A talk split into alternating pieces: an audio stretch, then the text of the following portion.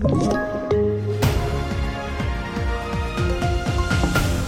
Putin vill utplåna ukrainsk spannmålsexport, kinesisk kritik mot utsläpp av kylvatten och den svenska vattenkraften blir allt viktigare.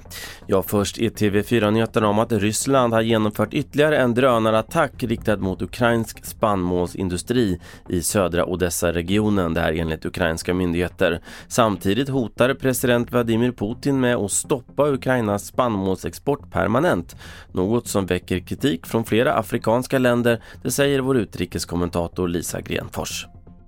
De är kritiska mot att de inte får tillräckligt med spannmål till sina svältande befolkningar i ett antal av de afrikanska länderna. Och de vill ha eh, spannmål ifrån både Ukraina och Ryssland. Men här får nu med det här uttalandet eh, Vladimir Putin det som att låta att han har ingen del i det här.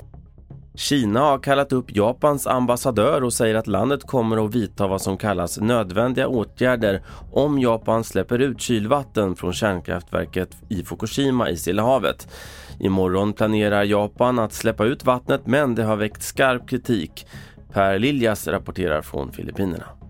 Dels finns det de som säger att reningsprocessen som Japan använt av det här vattnet inte är helt säker. Bland annat Greenpeace hävdar det. Eftersom det finns så mycket rädsla kring det här så finns det mycket politiskt kapital också. Och det vill framförallt Kina utnyttja. Och sist om att vattenkraften kommer att bli allt viktigare för vår elförsörjning när det inte blåser. Svenskt näringsliv föreslår idag att regelverket ändras för att snabbare kunna öka effekten i kraftverken. Jan-Olof Jacke är BD på Svenskt Näringsliv. Det är nästan lite glömt i debatten där allt har handlat om man gillar vindkraft eller kärnkraft. Vi behöver all fossilfri el vi kan få och vattenkraften ska eh, växa istället för att minska.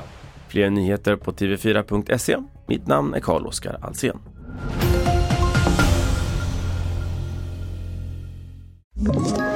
Ett poddtips från Podplay.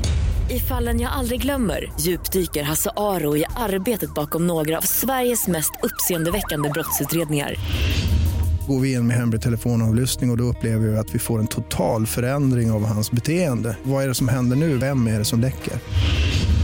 Och så säger han att jag är kriminell, jag har varit kriminell i hela mitt liv men att mörda ett barn, där går min gräns. Nya säsongen av Fallen jag aldrig glömmer på Podplay.